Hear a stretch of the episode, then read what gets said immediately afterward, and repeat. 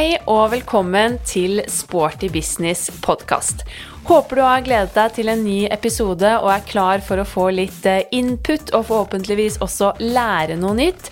Jeg heter Eva Katrine Thomsen, og Sporty business podkast er for alle dere flotte mennesker som jobber i treningsbransjen, eller for deg som er nysgjerrig på bransjen, eller kanskje har en drøm om å starte ditt eh, eget treningssenter, jobbe som f.eks. Eh, instruktør eller PT. Og målet med denne podkasten er jo nettopp det at vi skal utveksle erfaringer i bransjen bransjen og lære av hverandre, slik at vi alle kan lykkes enda bedre, og på den måten forhåpentligvis bidra til at enda flere mennesker finner glede i aktivitet og trening i treningsbransjen, og får et livslangt og aktivt liv. Det er mye vi som jobber i treningsbransjen skal kunne. Det er en kompleks bransje, og hver enkelt del av bransjen krever ulik kunnskap og ferdigheter. Og det er jo nettopp derfor vi prøver å løfte frem så mange ulike tema som mulig i eh, sporty business. Og hittil så har vi jo vært gjennom alt fra hvordan lykkes med gruppetrening, seniortrening og som PT. Vi har snakket om kroppspress i bransjen, spiseforstyrrelser og doping, hvordan skape et godt miljø blant ansatte på et eh, senter. Vi har snakket om senterdrift og mental trening, bare for å nevne noe. Og i dag så skal vi dykke ned i et uh, tema vi ikke har snakket så mye om tidligere, men som mange av dere har etterspurt, og som også flere av gjestene våre har påpekt at dette er et viktig tema som de ønsker at vi skal løfte frem. Og det er nemlig økonomi. Økonomi, nøkkeltall, resultater, hvordan et senter kan øke betalingsgraden, likviditeten og lønnsomheten og oppnå en sunn drift. Økonomi er utrolig viktig og en viktig del av bransjen, enten man driver et treningssenter eller om man er selvstendig. Vi er nødt til å ha en lønnsom drift for å kunne drive med det vi elsker, nemlig tilrettelegge for å skape unike treningsopplevelser for folk flest. Derfor så har jeg i dag fått med meg Mats Sørland, salgsutvikler i Convene Group, som bl.a. Credicare er en del av. De kjenner du kanskje som eh, arrangøren av eh, Trenseminaret, bl.a. Og Mats han er salgsansvarlig for Credicare sine produkter og tjenester inn mot eh, treningsbransjen, og jobber med eksisterende og etablering av nye kunder. Han gir deg nå god oversikt over hvilke nøkkeltall ditt treningssenter bør ha kontroll på, hvordan lykkes med senterdriften, og vi snakker også om hva man bør tenke på når man jobber som selvstendig i eh, treningsbransjen. Så her er det bare masse viktig og ikke minst nyttig informasjon å få med seg, så jeg sier bare god og lærerik lytt. Hjertelig velkommen til Sporty Business podkast, eh, Mats. Takk skal du ha. Veldig hyggelig å få lov til å være på besøk hos eh, Convene Group i dag. Og vi skal jo snakke om noe som eh, jeg kanskje i utgangspunktet syns er litt sånn i gåsetegn kjedelig, men som er veldig viktig for bransjen vår. For vi skal nemlig snakke om eh, økonomi, nøkkeltall, resultater. Vi skal snakke om hvordan et senter kan øke betalingsgraden, likviditeten og lønnsomheten til treningssenteret. Og generelt så skal du gi treningssenteret gode gode råd og tips for hvordan lykkes med driften. Men først så er det jo hyggelig å bli litt bedre kjent med gjesten jeg har med meg. Så kan du ikke fortelle litt om eh, hvem du er til lytterne våre? Jo, eh, jeg heter Mats Sørland. Jeg jobber i Convene, eh, som også eier Credicare. Vi holder på innenfor en bransje innenfor betalingsløsninger og jobber veldig tett med treningssentre. Og veldig tett med treningsbransjen som helhet. Eh, vi har, har jo arrangert Tren-seminaret nå i er vel 13 år, eh, og har veldig tett dialog med, med, treningsbransjen og de som jobber innenfor det av alle mulige slag. Mm. Hva er ditt eget forhold til treningsbransjen? Jeg er jo en treningsnerd personlig. Eh, jeg har drevet med trening siden jeg var 16. Så det er jo en bransje jeg personlig brenner for.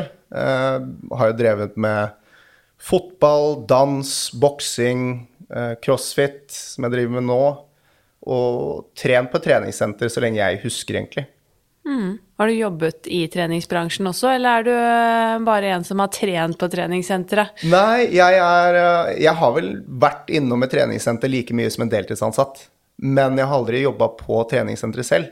Jeg er bare genuint interessert i det, og opptatt av trening, da. Ikke sant. Og nå så jobber du som salgsutvikler for Convene Group, som jeg nå har lært meg. Yes. Og Credicare, som mange av oss i treningsbransjen kjenner til, bl.a. da som du nevnte gjennom Tren-seminaret, er da en del av Convene Group. Det stemmer. Eh, Du er ganske ny i eh, gjengen her. Hvordan eh, endte du opp her? Du, jeg har jo en bakgrunn fra, fra bank og fra IT-bransjen. Så jeg jobba med betalingsløsninger, personlig økonomi, eh, betalingsløsninger til banker. Eh, og så er det det at jeg er veldig interessert i trening. Jeg ønska å komme innenfor noe som hadde med trening å gjøre. Men innenfor da min bransje og det jeg jobba med, så var det ikke så lett. Så da kom jeg over dette her og hadde en prat med de i Convene og fant ut at dette var en veldig bra match med tanke på mine interesser, hva jeg liker, hva jeg jobba med tidligere. Eh, og så har jeg fått vært en del av det her nå, starta i mai. Eh, så det har jo vært kjempestas. Å få jobbe med folk som har vært innenfor den bransjen her i 30 pluss år, ikke sant. Så da får jeg brukt min kompetanse, og jeg får lært veldig mye om bransjen som helhet, da. Mm, ikke sant? Hvordan ser arbeidsdagen din ut i Convene Group, da? Det er mye forskjellig. Eh, Jeg jobber jo som salgsutvikler, så en del er jo å drive med utgående salg og snakke med nye potensielle kunder. Prøve å finne ut hva vi kan gjøre bedre for å tilby bedre produkter og tjenester. Snakke med samarbeidspartnere, eh, medlemssystemer som vi samarbeider med. Eh, Jobbe med Tren, annet. Det er en stor del av det. Og holde da møter med de kundene vi har i dag, for å se på den driften og hvordan de arbeider i dag, og se hvordan vi kan gjøre det bedre sammen for å øke lønnsomheten deres. da. Mm, ikke sant.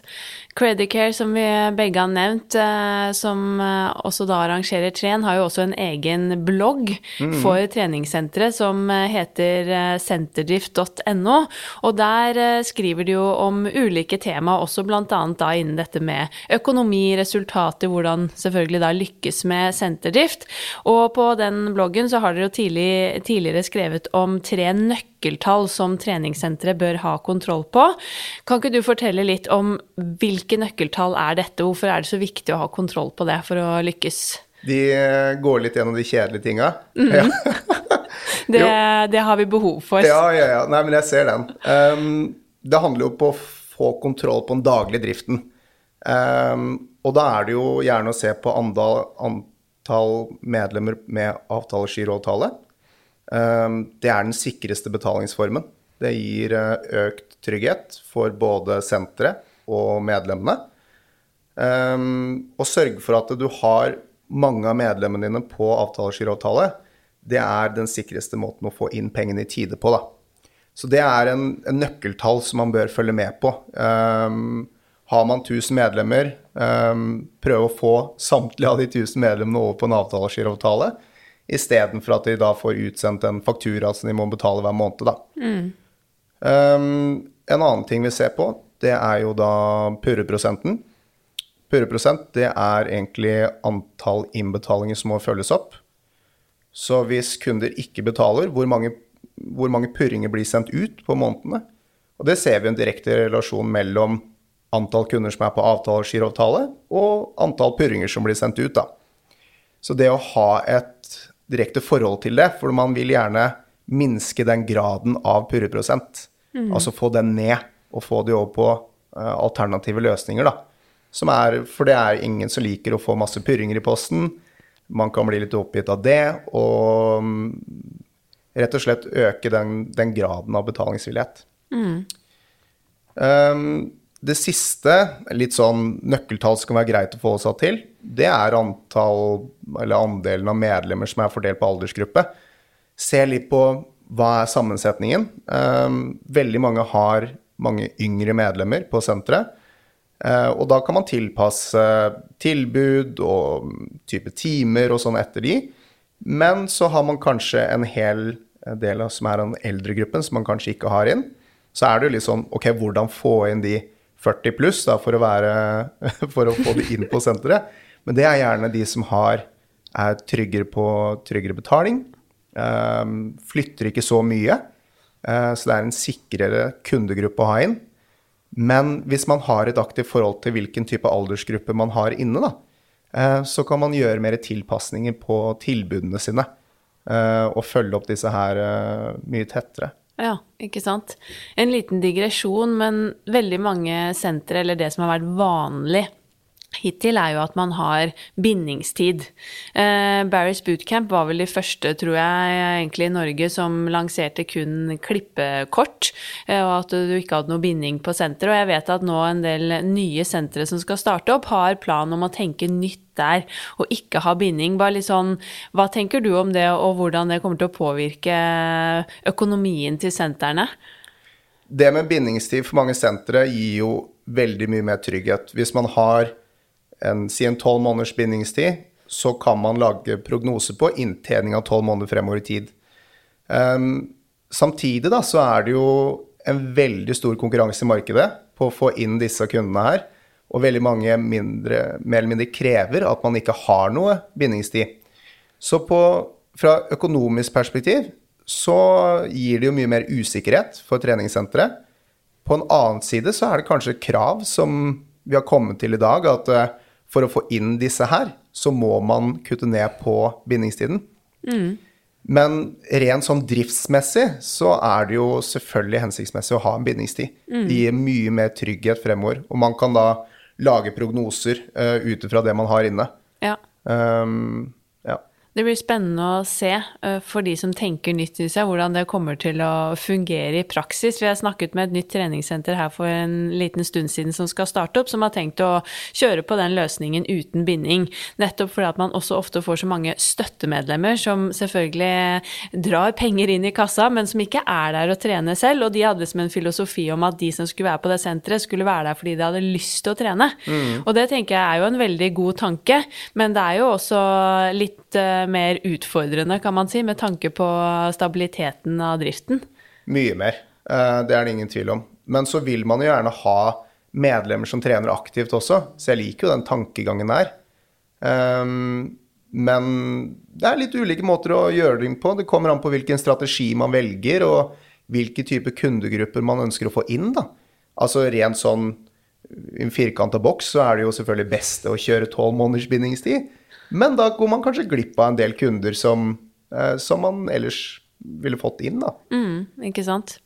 Eh, dere har jo også, Jeg har jo gjort litt research og lest rundt på senterdrift.no, for at dette her er jo virkelig ikke et eh, tema som eh, jeg selv er så veldig god på eller kan så mye om. Så jeg har jo også lest at dere har skrevet en del om bruk av det dere kaller da måltall og KPI-er, som det så fint står. Og at det er en effektiv måte å følge med på om man driver senteret effektivt, og om man når sine mål om vekst og lønnsomhet. Men hva menes egentlig med disse KPI-tallene, og hvorfor er det så viktig?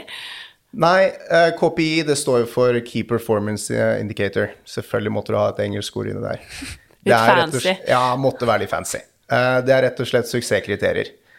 Man kan skille mellom harde KPI-er, som er f.eks.: Jeg har 1000 medlemmer i dag, jeg skal øke til 1200. Eller man kan ha myke KPI-er, som er da eh, Jeg skal øke til Altså hvor happy kundene mine er da, med nåværende tilbud og, og sentre. Um, noen ganger så går vi litt blinde på det vi gjør i dag. At alt er bra og ting funker som det skal, Uh, uten at man, man gjør noen endringer av noe slag.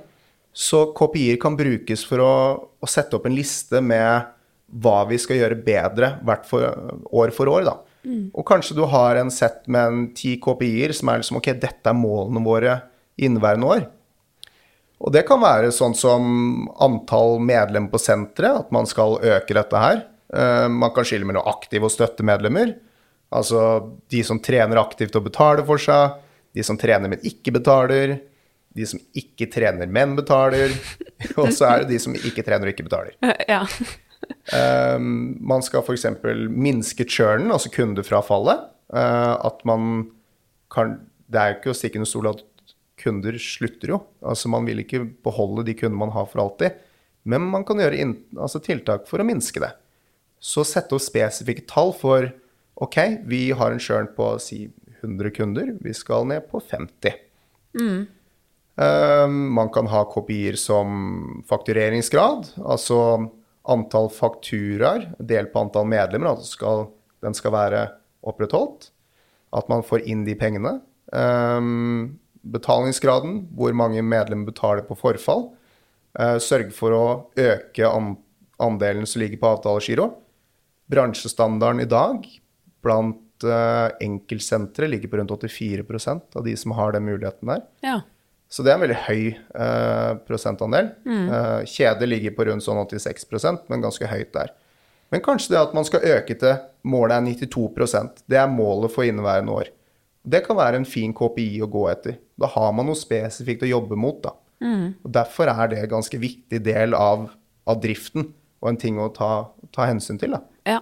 ja. det blir jo som en målsettingsprosess som vi gjør på gulvet eller inn på studio på treningssenteret, egentlig, yes. som man bare skal gjøre for driften. Men jeg tror det er lett å glemme alle disse delene som man egentlig kanskje bør ha kontroll på som et senter. Eh, for det er jo litt som jeg har snakket om i mange tidligere podder, at veldig mange av oss i treningsbransjen kommer jo inn med en idrettsbakgrunn eller et genuint eh, ønske og bare lidenskap om å dele bevegelse og trening med folket og bidra til folkehelsen, så tror jeg mange som eh, kanskje glemmer litt hvor mye det faktisk eh, kreves administrativt og hvilken jobb som ligger bak da, for å få dette her til å virkelig lykkes. Ja, det er det ikke noen tvil om. og du treffer spikeren ganske bra der. Med at det er jo folk som er glad i trening, har på en måte De brenner for noe. Men så er det hele den driftbiten ved siden av som kommer som en sånn Oi, jeg måtte ta hensyn til det også, ja. Um, og det å følge opp tall, se på medlemsmassen, hvem er medlemmene våre? Uh, hva liker de, hva gjør de, uh, betaler de i tide? Alle disse tingene som kommer ekstra da, ved å drive et senter, er jo uh, det er alfa og omega for at man kan drive, drive lønnsomt. Mm. Og i det hele tatt fortsette å gi de beste tilbudene. Skal man utvide senteret, skal man kjøpe inn mer utstyr, så er det jo viktig at inntjeningen kommer i tide. Ja. Og kommer ikke til tide, hva gjør man for å sørge for at det faktisk kommer inn? Ja. Um, kjempeviktig. Og det er å ha et aktivt forhold til det. Um, inntjening versus hva som går ut, rett og slett. Mm, helt klart. Å spørre om hjelp, eller også da har man muligheten etter hvert å ansette folk som kan dette, sånn at man har ulike arbeidsoppgaver på senteret, så ikke alle bare er like glad i trening. Mm. Tenker jeg er lurt at man har mennesker med ulike ja, eh, liksom arbeidsoppgaver og ulik eh, utdanning og erfaring med seg inn, hvis man har muligheten til det. Og er man små i starten, så må man jo gjøre alt, og da må man jo sette seg inn i det. men så er det jo mange man kan spørre om hjelp også. Ja. Men er det noen andre oppgaver eller funksjoner eller tall som man bør ha fokus på, tenker du, for å lykkes bedre med det man gjør? Når vi, vi har jo en del statusmøter med, med kundene våre, hvor vi går gjennom um, en del tall og hvordan de har gjort det inneværende år. Og kanskje se på hvordan de gjorde det i 2020, 2019, i samme kvartal. da. Og da går vi gjennom gjerne utvikling på fakturering, altså hvor mange printfakturaer og avtaletrekk som går. Og det gir jo en oversikt over hva som faktisk kreves inn. Uh, utvikling på purring. Har denne her gått opp eller ned uh, fra i fjor eller forrige kvartal? Andel som er på avtale, skiravtale, uh, den ønsker man gjerne ha opp.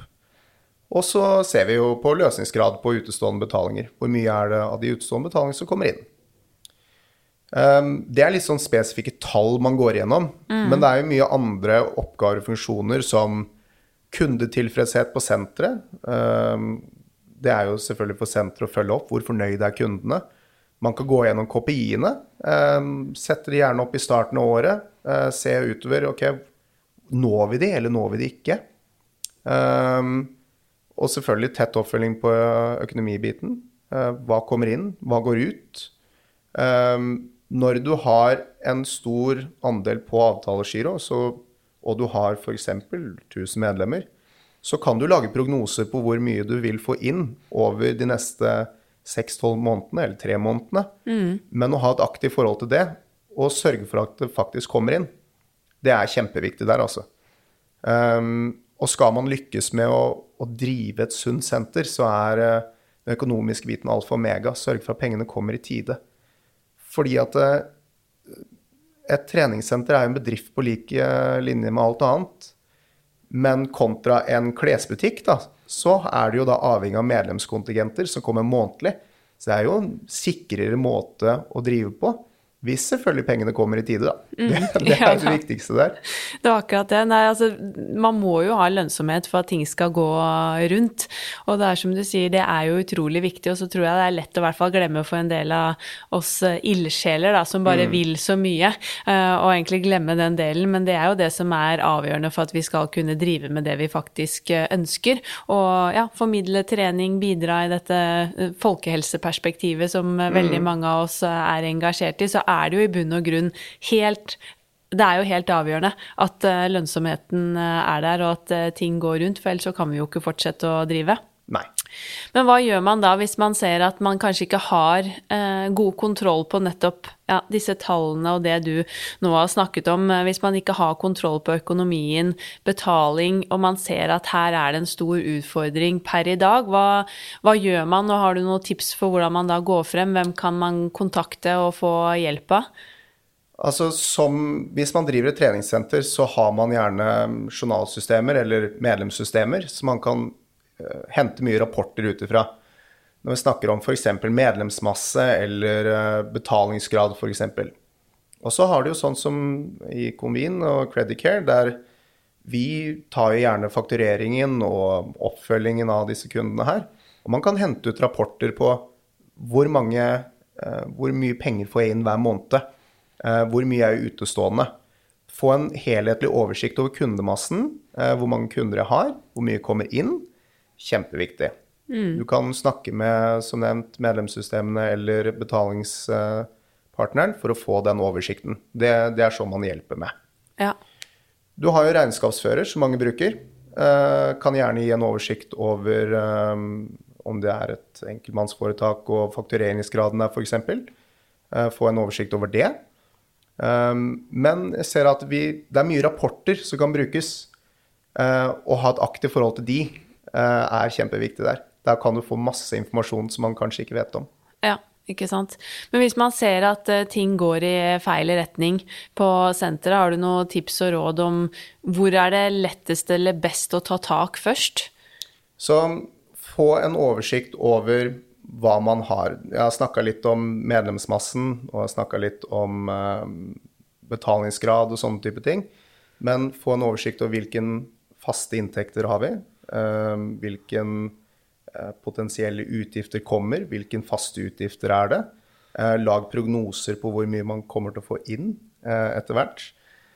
Det er jo sånn at eh, det er jo en det er løpende utgifter hele tiden. Det er leie, det er strøm, det er utstyr, det er utstyr som ødelegges. Men har man en sikker mengde med penger som kommer inn hver måned, så klarer man på en måte å lage et bedre helhetlig bilde av det. Mm, det er ikke sant. Men eh, det er jo også veldig mange i treningsbransjen som eh, jobber som selvstendig næringsdrivende, og som nødvendigvis ikke trenger et eh, eller, eller som nødvendigvis ikke driver et eget treningssenter. Og nå vet jeg jo at verken dere i Convene eller Credicare sånn sett jobber direkte med det, men har du noen liksom, gode generelle tips til alle de som hører på, som er selvstendig næringsdrivende og kanskje syns at det er litt utfordrende å ha kontroll på alt dette med den økonomiske biten? Eller for de som kanskje skal starte opp selv, hva er det man liksom må ha kontroll på? Ja, det er eh, Hvis vi kan Vi går litt tilbake til det vi snakka om tidligere, med at eh, det er jo ildsjeler som driver disse treningssentrene. Og så er det jo sånn at man er god på det man er god på. Eh, når man skal ha selve driften og sånne ting, kan man gjerne overlate til noen andre som har, om det er en regnskapsfører, om det er et eh, betalingsforetak som kan ta tak i de tingene der, skal man selv drive med det man er best på. Um, man bør i hvert fall ha kontroll på um, altså businessplanen, hva skal man gjøre, men hva kan man gi ut til andre? Hvor mye eventuelt koster det? Um, og hva får jeg ut av det? Ja. Um, men å drive selvstendig er jo, det er jo tøft, men igjen så er det at man kan ikke vite alt. Så gjerne ta kontakt med andre som, som kan de andre tingene bedre. Helt klart. Jeg jo, er jo der selv, at jeg driver selv, og har jo hatt ganske mye frustrasjon opp gjennom årene nettopp mm. pga. dette her. og fordi jeg selvfølgelig ikke syns det er så gøy som alt det andre jeg gjør. Men jeg tenker jo for de som driver helt selvstendig, så er det jo typ, i hvert fall veldig lurt å tenke gjennom hva er det jeg må ha kontroll på. For jeg husker i hvert fall når jeg startet opp for meg selv, at det å liksom sette meg inn i litt sånn regelverk og finne ut ok, hva er det jeg må ha, hva er det jeg ikke trenger, hva kan jeg klare selv, er jo på en måte pri én å begynne med, sånn at du har kontroll på det og få et eh, ja, regnskapsprogram, fakturaprogram, sette deg inn i hvilke andre liksom, regelverk du må forholde deg til. Og så er det jo for mange i starten så må man jo være sånn potet og gjøre alt selv, for man har jo ikke økonomi heller til å kunne sette det bort. Men så er det jo ofte sånn at man kanskje kjenner noen som eh, kan noe, kanskje mm. man har en i familien så jeg tenker liksom virkelig spør om hjelp. Og så finnes det jo mange av disse ja, regnskapsprogrammene i dag som er ganske sånn eh, intuitive, og det fins mye gode videoer på hvordan du skal gjøre ting. ja, og er, eh, regnskapsprogrammer er et fantastisk eh, verktøy å bruke. Um, om man bruker spesielt bruker litt tid på rapportene som ligger inne der, så kan man hente ut kjempemye nyttig informasjon som du kan bruke og prøve å finne ut hvordan de fungerer. Og det ligger jo da mye informasjon der som er utrolig nyttig i hverdagen. Mm, helt klart. Men uh, har du noen sånne generelle råd til treningsbransjen, da, til de som ønsker å starte liksom, et senter, eller som driver allerede i, i dag? Har du noen flere liksom, gode tips og råd? Hva er suksessfaktorene for å drifte et uh, sunt uh, senter? Ja, altså litt sånn som er nevnt, å få um, god kontroll og kjennskap til hvem som er medlemmene. Um, hvem er de, hva liker de, hvor ofte er de og trener? Er det støttemedlemmer, eller er det de som er her syv dager i uka, f.eks.? Um, kontroll på nøkkeltall, økonomi og drift. Sikre at man driver lønnsomt. Betalingsgrad, avtalegirograd. Hvis det er penger som er utestående, hvordan får man, de, får man det inn? Um, ha andre sparingspartnere som medlemssystemer, uh, fakturasystemer, um, betalingssystemer, og snakke med disse um, tilbyderne her for å høre hva kan vi gjøre bedre? Hvilken informasjon kan du hente ut for oss for hvordan vi driver ting? Mm. Det er jo typisk, og går tilbake til dette med avtalegiro f.eks., så ser vi at uh, det er manglende rutine ved innmelding, da. Altså, Melder man sånn online, så er det gjerne at man får avtalegiro eh, med en gang. Men er man på senteret, så er det gjerne manglende rutiner for å oppfordre kunden til å gjøre dette her. Eller at det er feil informasjon, rett og slett. Um, telefonnummer, adresse, kontaktinformasjon ikke stemmer. Så å få på plass de rutinene er kjempeviktig for å, for å sørge for en god betalingsløype. Mm. Og så er det jo å oppdatere seg på hva som skjer. Eh, du har jo sånn som Sporty Business-podkasten, du har Tren. Eh, det er en del verktøyer, men det er en veldig desentralisert bransje. Mange sitter på hver sin tue. Mm. Eh, så man vil gjerne snakke med andre også. Hva, hva gjør du? Hvordan løser du dette problemet? For at man kjenner jo sin bransje best, på en måte. Ja, helt klart. Nei, det er jo ja, noe vi i Sporty Business virkelig ønsker å kunne bidra til. At man kan dele kunnskap og erfaringer eh, liksom til alle der ute som driver i treningsbransjen. Nettopp fordi det du sier, at man sitter liksom på hver sin tue, og det er jo sentre rundt omkring i vårt langstrakte mm. land. Og det er jo mange som ikke er del av en kjede, eller som har noe tilknytning til andre sentre i nærheten. Og da kan man jo føle at man er litt sånn eh, litt uh, alene oppi det. Men også, ja, denne bloggen senterdrift.no, jeg tenker det skjer jo Nå har det jo vært stille lenge i bransjen mm. vår, men nå begynner det i hvert fall å åpne opp litt igjen med en NIH-convention som kommer. Tren Trenseminar har gratis webinarer gjennom høsten. Så blir det et eh, fysisk trenseminar på vårparten.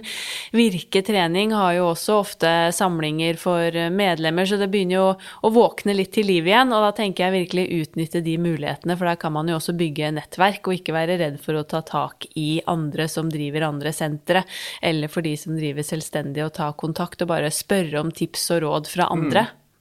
Ja, ja, helt klart. Det er, det er, mange som vet mye, da. Uh, men man må ikke være redd for å bruke de tipsene og rådene fra andre som er i samme bransje. Det er kjempeviktig. Mm. Uh, det er jo en uh, Det er jo ikke uendelig med sentre i landet. Det er vel en, det er vel en siste en opptalt rundt 30 1900-senteret? Jeg tror det kan stemme, ja. Eh, sist jeg så. Så mm, det er jo ikke så mange som driver innenfor det. Men eh, det er jo å få tetta det miljøet, da. Og få en til, tett tilknytning til hva gjør andre bra. Hva kan man gjøre annerledes? Og høre hva andre gjør, er kjempeviktig der. altså. Mm. Du kommer jo inn i bransjen, som du sier, egentlig fra et eget personlig ståsted. En Ja. genuin liksom, lidenskap for trening. Og nå er du jo på en måte en del av treningsbransjen basert på dette med økonomi, betalingsløsning osv. Men har du noen eh, tanker om hva de, liksom, de største utfordringene i treningsbransjen er, eller liksom potensialet vårt for utvikling? Ja, nå skal jeg trå kjempevarsomt, da. For nå, nå blir det jo fra mitt eh, perspektiv og liksom arbeidsmessig perspektiv. Um, men det er, en, det er vel en generell vei å gå med tanke på den driftbiten. Um, alt som er knytta til betalinger og benytte seg av de mulighetene som er hos leverandører. Um, som nevnt statusrapporter og slike ting. Uh, få en oversikt over porteføljen og driften. Uh, og det å sette opp realistiske og gode prognoser, kjempeviktig. Men treningssenter er jo en, bedrift på samme måte som alt annet. Um, jeg skjønner at treningssenter er veldig, veldig redd for kundemassen sin og kundene. Men samtidig så, så driver de ikke en bank. Så de må lære seg å, øh, å ta inn de pengene som på en måte venter. Man må ikke være redd for å sende ut en, en ekstra faktura, eller om det må være en betalingspåminnelse eller lignende. For at øh, de tilbyr faktisk en veldig viktig tjeneste som det er viktig å ta seg betalt for. Og det snakker jeg med veldig mange sentre om, at øh, de er kjemperedd for, for kundene. Og jeg skjønner det med god grunn, men det er viktig å få, få betalt for den, øh, de tjenestene man gjør. da. Helt klart. Og så er det jo Ja, det er altså få til en sterk samla bransje. Veldig desentralisert per i dag. Eh, det er noe vi jobber med med Tren, som vi har snakka om. Men det å, å lære andre å snakke sammen, det er vel en, noe som man ønsker mer, mer av, da. Og som du har vært inne på dette med disse KPI, KPI-ene, eh, så tenker jeg vi er jo ofte veldig gode på vår egentrening med målsetningsprosesser og det å sette mål. Så det å kunne bli litt flinkere til å inkludere det i driften også, eh, er jo en veldig god idé. For det er jo egentlig det det er snakk om, det å lage en konkret plan, hva er målene våre, og så da følge opp det med delmål underveis, eh, og jobbe liksom jevnt og trutt med prosessen, istedenfor at det bare sånn ruller og går og litt sånn tilfeldig hva som skjer. Så det tror jeg at eh, i hvert fall mange av oss sikkert har godt å ta med seg, at liksom, vi kan bli enda råere på målsetning også på driften. Ja, altså sette seg hver januar, sette opp konkrete mål for hva man skal oppnå i løpet av det året.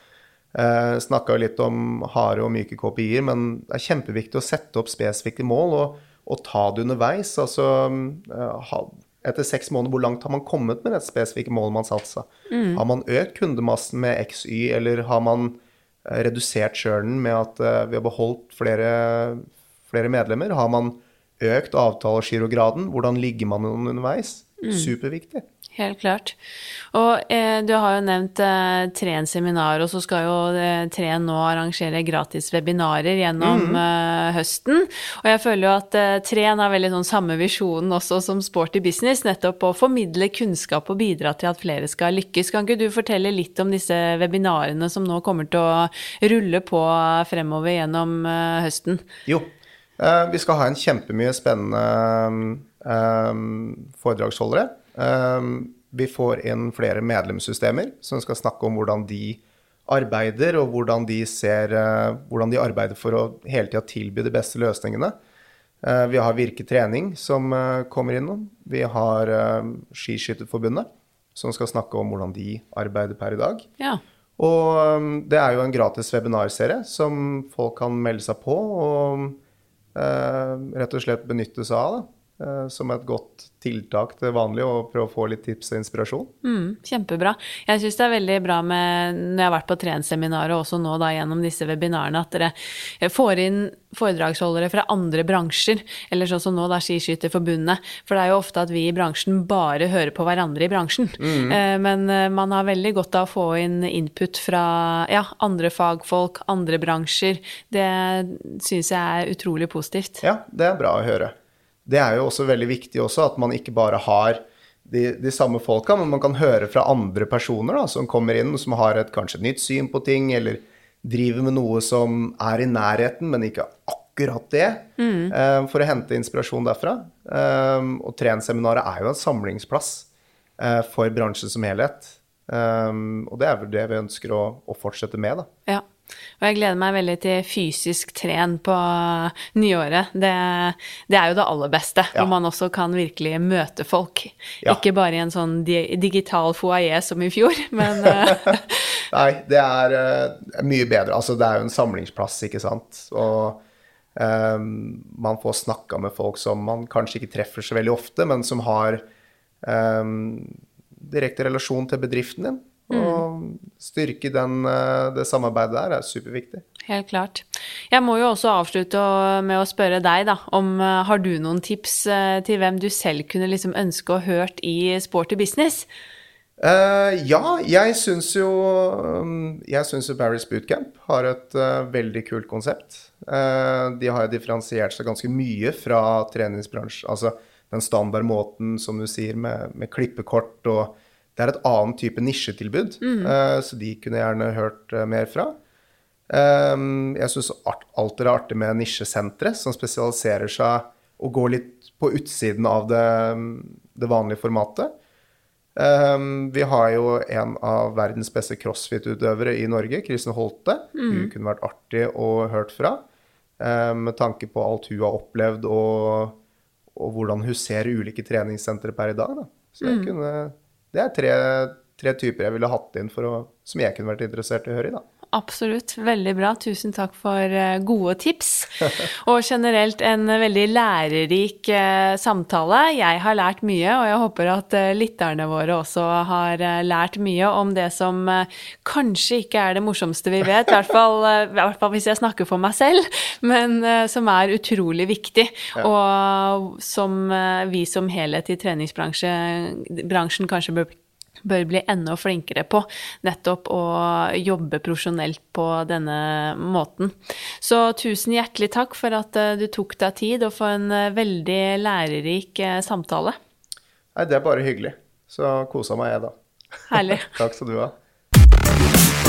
Dette var eh, virkelig en lærerik prat. Jeg har lært veldig mye nytt og fått ny innsikt i dette med økonomistyring og senterdrift.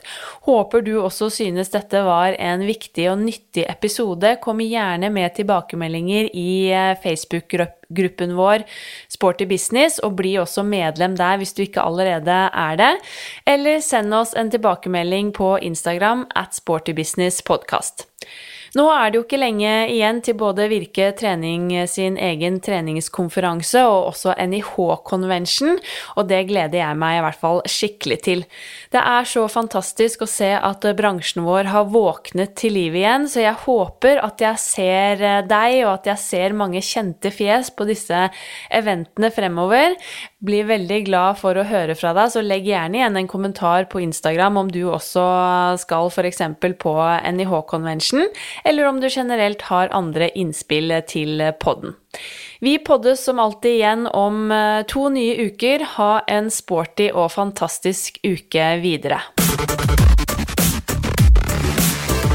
Denne podkasten produseres av Inspartum Akademi og North Stories.